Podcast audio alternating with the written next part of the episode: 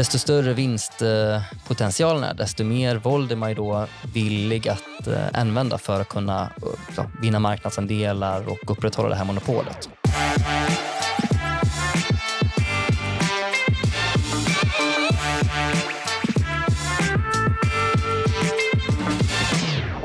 Hej och välkomna till Ekonomerna, en podd från Timbro med mig, Jakob Lundberg och med John Norell. Hur är läget John? Det är strålande. Hur är det själv? Det är mycket bra. Eh, men vi ska ju prata om ett lite tråkigare ämne idag, nämligen eh, våld och, och brottslighet och gängbrottslighet och sådär. Mm. Det är en av väljarnas viktigaste frågor nu. Oh ja, oh ja. Jag, tror att, um, jag tror att jag läste en undersökning om att nummer ett är sjukvård. Men det finns ju inte riktigt några intressanta politiska konflikter där och att det ligger på regional På nationell nivå? Nej. Ja, precis. precis. Um, så att, och Jag tror att nummer två är väl lagordning eller trygghet och sådär. Och Det är väl inte så konstigt då varför de flesta partierna har ju det som en av sina största frågor nu inför valet. Så att eh, Moderaterna pratar väldigt mycket om trygghet och eh, lagordning och likaså gör ju sossarna. Ja, och, och tyvärr så har ju brottsligheten ökat i Sverige de senaste tio åren eller något sånt där. Mm. Jag är ju optimist i, i grunden och, och länge var det ju faktiskt så att brottsligheten minskade i Sverige under 90-talet och 00-talet. Ehm, och så var det ju i många andra länder också. Det kan ju vara svårt att, att mäta brottsligheten och, och, faktiskt se hur stor brottsligheten är, men morden är ändå ganska lätt att, att följa. Mm. Ehm, och Då ser man ju att eh, antalet mord i Sverige minskade under från 1990 ungefär fram till 2012 hände det någonting. Eh, och sen dess så började det öka. 2012? Mm. Ja, då, då var det någon sorts brytpunkt där. Eh, hur många, hände. hur många mord hade vi 2012? Det var strax under 100. Mm. Och Förra året var det 113 mord i Sverige. Mm. Så det är ingen jätteökning. Eh, men ändå, det är, en, det är en tydlig trend. Det beror inte på slumpen det här, utan det, det, det har ökat. Mm. Eh, och Brottsligheten har ju ändrat karaktär också. Okay. Jag vet eh, Leif GW Persson brukar säga att det, det klassiska svenska mordet är ju några män som sitter i en stuga någonstans och man dricker sprit och så, och så blir det någon sorts bråk och så eh, kommer kniven fram och så är det någon som, som dör då i det bråket. Och, och Den typen av brottslighet har ju, har ju minskat över tid. Det mm. handlar helt enkelt om att Sverige har, har blivit eh, rikare. Sverige har gjort en, eh, många har gjort en, en klassresa helt enkelt. Eh, så att det, det, är färre som lever i social utsatthet och så. Folk har fått högre inkomster. Um, och som sagt, det här ser man ju i flera andra länder också, att, att uh, den här typen av brottslighet minskar. Uh, Men istället då, så kommer gängskjutningarna? Ja, mm. precis. Mm. Det, det, har väl inte undgått någon om att det, har, det är det som då har drivit det här med, med skjutvapen istället. Mm. Um, och Då kan man fråga sig om det som partierna föreslår kommer att slå ner på den här typen av um, gängvåld. Ja, det är en relevant fråga för väljarna. Ja, för det är väldigt många som pratar om skärpta straff. Det är ju en stor trend att eh, det ska vara mindre rabatter, ungdomsrabatter och eh, jag höll på att säga bonusrabatt, men eh, mängdrabatt och eh, skärpare straff, längre straff. Men frågan är om det kommer att avskräcka. Det, forskningen tyder väldigt mycket på att det inte kanske gör det. Eh, däremot så är det klart att inkapaciteringen i sig gör ju skillnad. Alltså om du Alltså om du sätter människor som är 22 år gamla, om du sätter dem i fängelse i åtta år, ja det är åtta år där de inte kommer att begå några brott. Och också när de kommer ut så kommer de vara lite vuxnare, lite mognare och mindre känslomässiga. Gud, man brukar inte prata om, om, om killar som känslomässiga, men, men det är ju, de är liksom eh, testosteronstinna. Verkligen. Eh, dålig impulskontroll ofta. Sådär, mm. har vi de här personerna. Och Annars brukar ju de flesta partierna prata om mer resurser. Fler poliser och mer resurser till Polismyndigheten. Men eh, även där kan man väl ifrågasätta om det verkligen kommer vara så effektivt med att, i att bekämpa brottsligheten. Ja, det är klart, de flesta åker ju inte dit. Så att, eh, även om man lägger väldigt mycket resurser på, på polisen så, så är det ju väldigt låg uppklarning på de flesta mm. brott. Och så kanske det måste vara i ett samhälle med rättssäkerhet. Um, om man inte ska ha någon sorts 1984-samhälle så, så kommer det ofta vara svårt att bevisa brott med, med de höga beviskrav som finns. Mm. Uppklaringsgraden är ju mycket högre för de här andra typerna av brotten, eller de andra typerna av mord som du pratade om tidigare. Det här att sitta på verandan och sticka kniven i varandra. ehm, och inte de här gängbrotten där man har svårt att få folk att vittna och sådär. Men det som är intressant med just den miljön är ju att vi pratar mycket om våldet och det som liksom händer på ytan. Men det som händer under ytan, vilket ju är narkotika, eh, eller narkotikaförsäljningen, svarta marknaden för narkotika, det är det som, det är, det som är huvud, den huvudsakliga verksamheten för de här uh, gängen. Det är, det, som, det, är det, som, det är det som är inkomstkällan. Det är som Al Capone på 30-talet. Det, det, är förbjudet, så då uppstår det en, en svart marknad och det är ja. det man slåss om. Det finns en väldigt intressant bok som heter Narconomics. Den är faktiskt översatt till svenska. Jag tror att författaren heter eh, eh, Tom Rainwright. Jag kommer inte riktigt ihåg, men den är väldigt läsvärd i alla fall.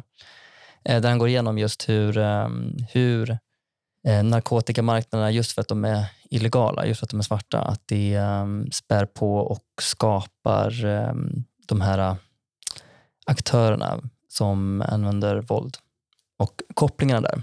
För ett par år sedan så knäckte ju franska myndigheter och Europol de knäckte den här um, krypteringstjänsten Encrochat. Om du kommer ihåg det, 2020 var det. Som de här skurkarna använde för att prata med varandra helt enkelt. Ja, exakt. Och de trodde att det här var helt omöjligt att knäcka, att polisen skulle inte få ta reda mm. på det här. Precis. Men de var avlyssnade i, i flera år va? Ja, exakt. Eh, så att eh, de, har väl, de löste ju och förhindrade massor med mord, eller ja, det kanske var ett tiotal, jag vet inte. Men det var ju definitivt en vinst för så att säga, den goda sidan, även om det var en temporär vinst. Nu så har väl eh, de kriminella gängen gått över till att använda andra typer av um, kommunikationstjänster, nya sådana. Men det var ändå att man lärde sig någonting där. Det är ett spännande material att gräva sig ner i. Mm, verkligen. Det har väl polisen också analyserat särskilt. Jo, faktiskt. Eh, NOA, alltså nationella operativa enheten hos polisen, de släppte förra året en rapport eh, som ju fick ganska mycket uppmärksamhet. Eh, så jag läste igenom den och eh, det var intressant. Man verkligen får en inblick över hur det liksom går till på insidan i de här nätverken där, där penningtvätt och eh, mord liksom handlas som, som varor. Liksom.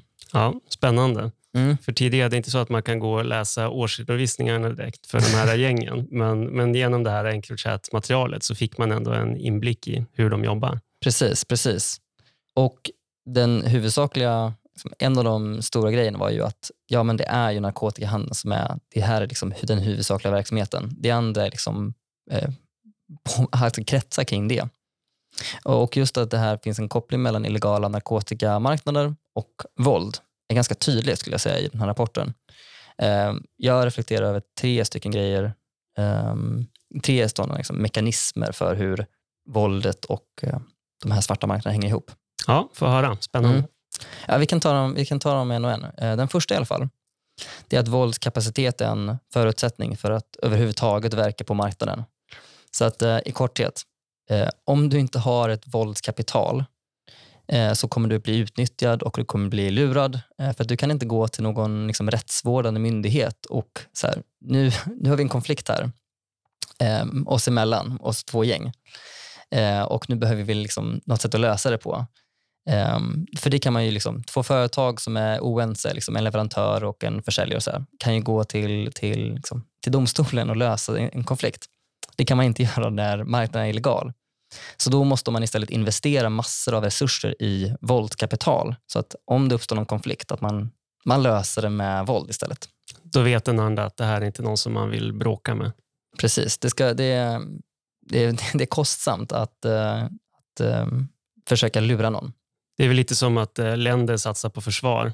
Att eh, Försvarsmakterna är inte till för att användas hela tiden utan det är till för mm. en, som en avskräckning i grunden. Och Den andra kopplingen då är att eh, våld är ett verktyg för att konkurrera.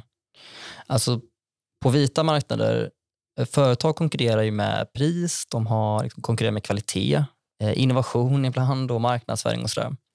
När du kommer till en, en illegal marknad så har du ytterligare ett verktyg, nämligen våld. Alltså du kan helt enkelt använda, eh, använda liksom, våld för att liksom, eh, stävja konkurrensen. att eh, det här är vårt område och här får ingen annan sälja. Om någon, om någon annan aktör försöker sälja knark på vår mark i vårt område, då skjuter vi dig.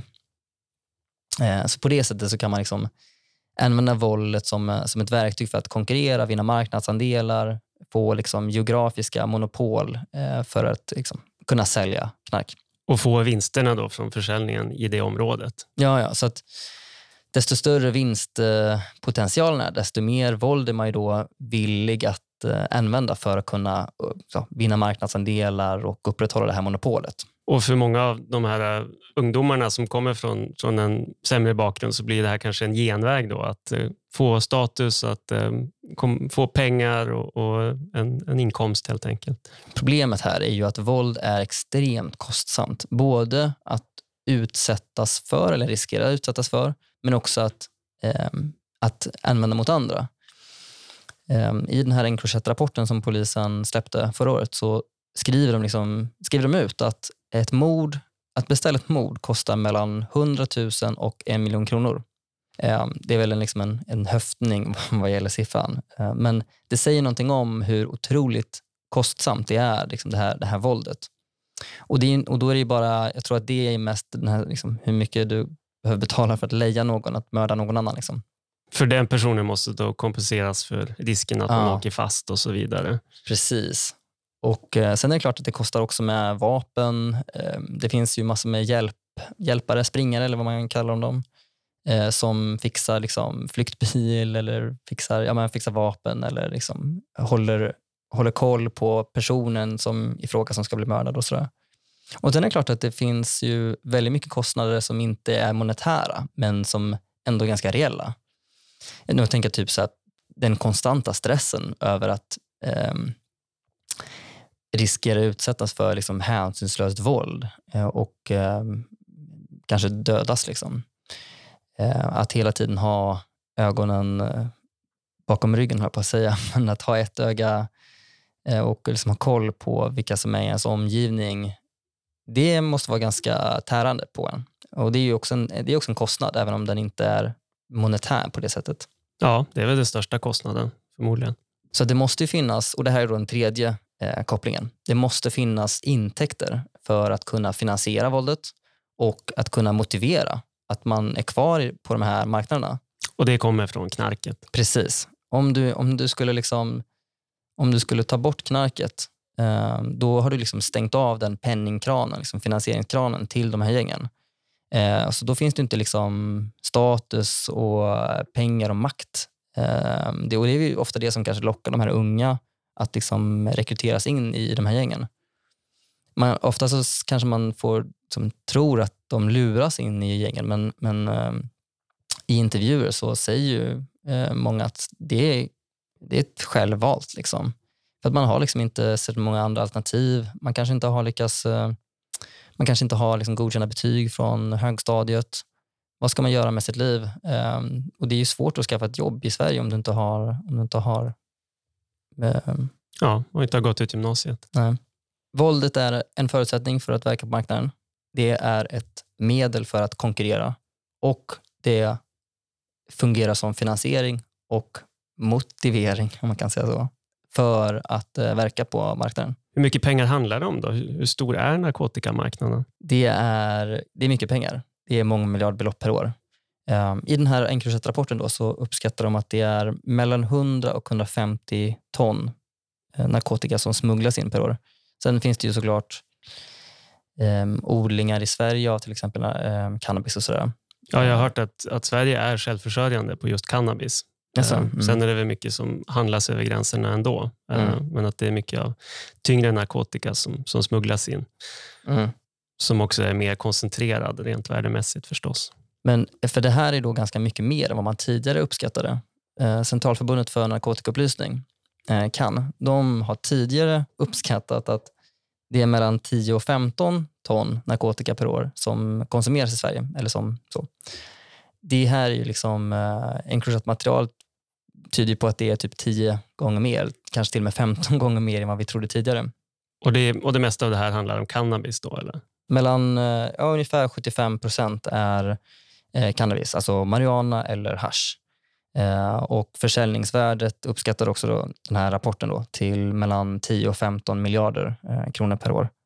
Vilket är ganska mycket. Det som bara går rätt in i fickan till eh, de här. Det är allting inte vinst då, men, eh, men det är mycket pengar. Verkligen. Som, som finansierar det här våldet och gör att nya generationer också dras in i de här gängen. Och just det faktum att cannabis är så stort eh, är ju intressant. Att det är, den, det är liksom huvudsakliga knarket som konsumeras. Nu, det här med 75 procent, eh, det, det framgår inte av rapporten om det är liksom värdet eller om det är i vikt. Men jag skulle, jag skulle gissa på att det är i vikt. Eh, och cannabis är ju i vikt mycket billigare än typ kokain eller sådär. Men definitivt, en stor majoritet av narkotikahandeln utgörs av cannabis. Och, och, Vi var inne på att skjutningarna och gängbrottsligheten har ökat i Sverige de senaste ja, tio åren. Någonting. Eh, hänger det här ihop med förändringar på narkotikamarknaden eller vad skulle du säga? Det skulle mycket väl kunna vara så. Alltså efterfrågan på cannabis, det är klart, det, det är svårt att liksom avgöra. Det finns liksom inte siffror på efterfrågan på det sättet. Men, men när det kommer till cannabis så har vi eh, ökningen av när det kommer till när man gör enkäter, till exempel eh, Folkhälsomyndigheten gör enkäter ibland, så ser man tydligt en, en, en ökning i hur många som använder cannabis. Jag tror att det är en typ en fördubbling, nästan en fördubbling på 15 år. Det tror jag många känner igen sig i också. Ja, jo men precis. Nej, men de flesta, alltså, det är en jättestor skillnad i generations, alltså, mellan olika generationer. Men bland unga idag tror jag inte att det är alls särskilt kontroversiellt. De flesta har säkert testat och eh, väldigt många känner någon som brukar. Eh, och det är klart, eh, det, det, de flesta konsumerar eh, kultur från USA, kollar på Netflix. Där finns ju hur mycket dokumentärer som helst om cannabis. Och, eh, det, cannabisrökning är ju någonting som är okontroversiellt visas upp liksom, i många dramaserier. Så att det är klart att många unga får en bild av att det här är, inget, det är, en, det är en mild drog som inte är särskilt eh, farlig. De här förändrade normerna kring cannabis det har ju också börjat sippra ner till politiken. Vi mm. ser att de senaste 10-20 åren så har det blivit mer och mer av en trend av, av att man legaliserar och avkriminaliserar cannabis. Jag vet, Portugal var ju tidigt ut med att avkriminalisera bruk till exempel. Ja. Um, Nederländerna har ju haft coffeeshops uh, länge förstås.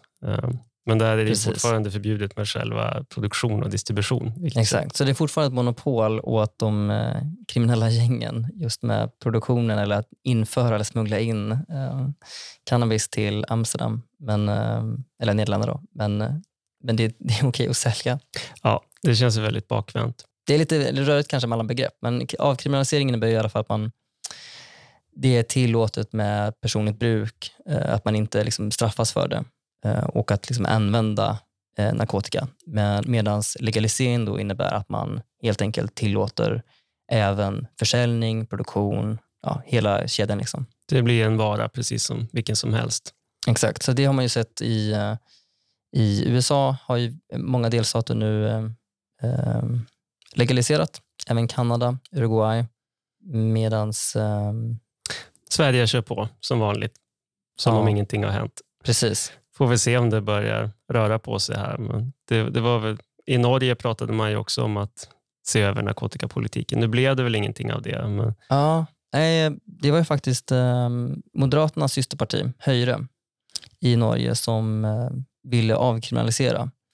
Och Det är inte för att de ville stävja våldet eller att de liksom är så glada i frihet kanske, utan mer för att de vill skademinimera. Eh, och Det är ju resonemang som vi även hört i Sverige. Folkhälsomyndigheten har ju pratat om just eh, problemen med svensk narkotikalagstiftning och att man vill utreda vad effekterna skulle vara av en avkriminalisering. Just som man har sett i Portugal. Då. Men det vill ju regeringen inte lyssna på Folkhälsomyndigheten den här gången. Annars har de ju varit väldigt tydliga med att man ska lyssna på Folkhälsomyndighetens experter. Ja. Eh, men inte när det gäller cannabis. Där Nej. är det de ideologiska skygglapparna som gäller. Och där är väl ganska stor skillnad mellan olika... Eh, alltså det finns ju ungdomsbunden. Det är många ungdomsbund som ändå har lobbat för en eh, legalisering eller avkriminalisering. Medan eh, partierna, de kommer lite efter. Så de, vi kommer väl se det inom några år tror jag. Ja, ja, det är en tydlig förändring i, i svensk debatt. Vi hade inte kunnat ta det här poddavsnittet för fem tio år sedan. Då hade vi blivit kölhalade att kunna prata så här öppet om narkotikapolitiken. Mm. Eh, men det har ju skett en, en väldigt sund förändring där i, i hur man pratar om narkotika. Eh, så att, eh, vad tror vi om fem, tio år, då kommer en socialdemokratisk statsminister säga att vi har alltid varit för en ansvarsfull narkotikapolitik och vi har alltid sagt att man ska lyssna på experterna. Så därför kommer vi nu att eh, liberalisera narkotikapolitiken på mm. något sätt. Och så kommer de att eh, säga att de tidigare borgerliga regeringarna har varit ansvarslösa och drivit en alldeles för hård narkotikapolitik. Precis. Det tror jag definitivt vi kommer att... Eh, det kommer låta exakt så. Det här har vi varit med om för på andra områden. Mm. Nu senast NATO-frågan. Eh. Ja, men, eh, om man legaliserar så slår man undan benen för gängen. Alltså man, man tar bort deras inkomstkälla, man tar bort eh, det som motiverar många av de här eh, ofta unga personerna att gå in, liksom, engagera sig eller liksom vara inne i den här kriminella banan och eh, ta bort egentligen eh, den här monopolet som man har gett till de mest hänsynslösa i samhället, att, till en mångmiljardindustri. Ja, det känns ju som den, den givna lösningen. Och Kanske också att en del skulle gå över från alkohol till cannabis då. Eh, vilket ju på många sätt är en bättre och sämre drog. Det är klart, cannabis är inte bra om man röker på varje dag i flera år. Eh, men man blir åtminstone inte våldsam av det. De flesta uppfattar väl att man blir slö, lite flummig, hungrig kanske. Det är många som pratar om att man blir hungrig av att röka på. Men man går inte ner på stan och slår ner någon? Det gör man inte. Det är väl svårt att veta exakt hur, vilka effekter det skulle vara. Alltså, vissa pratar ju om att, eh, alltså, tror ju att man skulle, eh, att det är en inkörsdrog. Att om man, om man legaliserar cannabis så kommer folk att börja ta heroin. Liksom. Ja, inte steg två kanske, men, men att ändå att det skulle finnas en sån effekt. Jag är nog lite skeptisk, för jag tror snarare att eh, nu är ju cannabis så pass okontroversiellt för väldigt många att de liksom träffar sin, sin langare och då också erbjuds andra, andra narkotika. Om du istället legaliserar så liksom, du bryter du kontakterna. och liksom de här, ja. Det blir ett betydligt längre steg då att gå till de här tyngre, faktiskt olagliga drogerna. Ja. Än, än om, om cannabis hade varit lagligt. Precis. Jag tror att de flesta, ja, det finns forskning på att människor uppfattar legalt cannabis som en överlägsen vara jämfört med illegalt cannabis. Så att om, om de fick välja så skulle de, de skulle vara villiga att betala en premie för att kunna få köpa eh, cannabis legalt på typ apoteket. Liksom. Ja, det känns rimligt. Är det det du ser framför dig då, om man skulle legalisera cannabis? Att det skulle säljas i särskilda butiker, kanske någon sorts licens? Eller? Ja, det tror jag vore klokt. Eh, åtminstone till en början. Eh, och eh, där man har legaliserat, det, nu har vi inte så mycket data. Det är bara sedan 2012, sedan Colorado legaliserade. Det finns inte så mycket forskning än på vad effekterna är. För att det är så, det, det, ah, det, finns för, mycket, för lite data helt enkelt. Det har inte gått så lång tid och det är fortfarande olagligt på federal nivå också i USA. Så att det är klart, är, det är svårt för de här cannabisbutikerna bara som att öppna ett bankkonto eller färdas över delstatsgränser. Allt sånt där blir ju väldigt mycket svårare. Och en tydlig effekt, eh, för det finns ju en motsättning mellan att försöka slå undan eller slå ner de här svarta marknaderna och å andra sidan då eh, maximera skatteintäkterna från den här verksamheten. Och eh, I USA och i Kanada så har man ju väldigt tydligt gått åt det senare hållet. Då. Man försöker liksom ändå få in mycket skatteintäkter. Eh, I Washington till exempel så tror jag att det är både liksom en sales tax och en state tax och sen utöver det har man en punktskatt då på cannabis. Och Jag vet att i, i Kaliforn, eh, Kalifornien så har man decentraliseras, att man tillåter counties eller om det är municipalities att, att själva få sätta egna skatter på den här verksamheten. Vilket gör att, att det, är inte så mycket, det, det är mycket dyrare att köpa um, legalt cannabis än illegalt. Så då har man inte, då har man inte slått ner de här uh, svarta marknaderna. Jag tror att om man skulle uh, i, liksom legalisera i Sverige så ska man börja med att ha låga skatter uh, och um, samtidigt fortsatt försöka slå ner svarta marknaderna. Men prioritera att ha kontroll över marknaden helt enkelt. Så ja. man har Man kan kontrollera kvalitet och åldersgränser på de som köper och allt sånt här. För när du väl har kapat relationerna, liksom kapat kontakterna mellan de som konsumerar och de här eh, producent, eller försäljarna de, de på den illegala marknaden, då är det svårt för dem att etablera det igen. Utan då vänjer sig folk vid att man går till apoteket eller till Systembolaget istället. Jag tänkte om vi går tillbaka till det här. Hur, hur tänker kriminella egentligen? Du, mm. Vi är båda nationalekonomer. Vi har ju resonerat väldigt nationalekonomiskt här. Eh, ja. Att eh, brottslingar är rationella individer. Ja, men precis. Eh, men många kanske skulle säga att brottslingar nästan per definition har dålig impulskontroll och så vidare. Det handlar inte om kanske att man långsiktigt är rationell. Har du funderat på det? Ja, ja det är en väldigt bra poäng. Det här är liksom någon typ av optimeringsbeteende. Och Det är klart att det är inte riktigt den gängse bilden av, att, eh, av de här aktörerna inom den organiserade brottsligheten. Men jag tror att det här kommer väl ner till det faktum att våld är någonting som man helst vill undvika.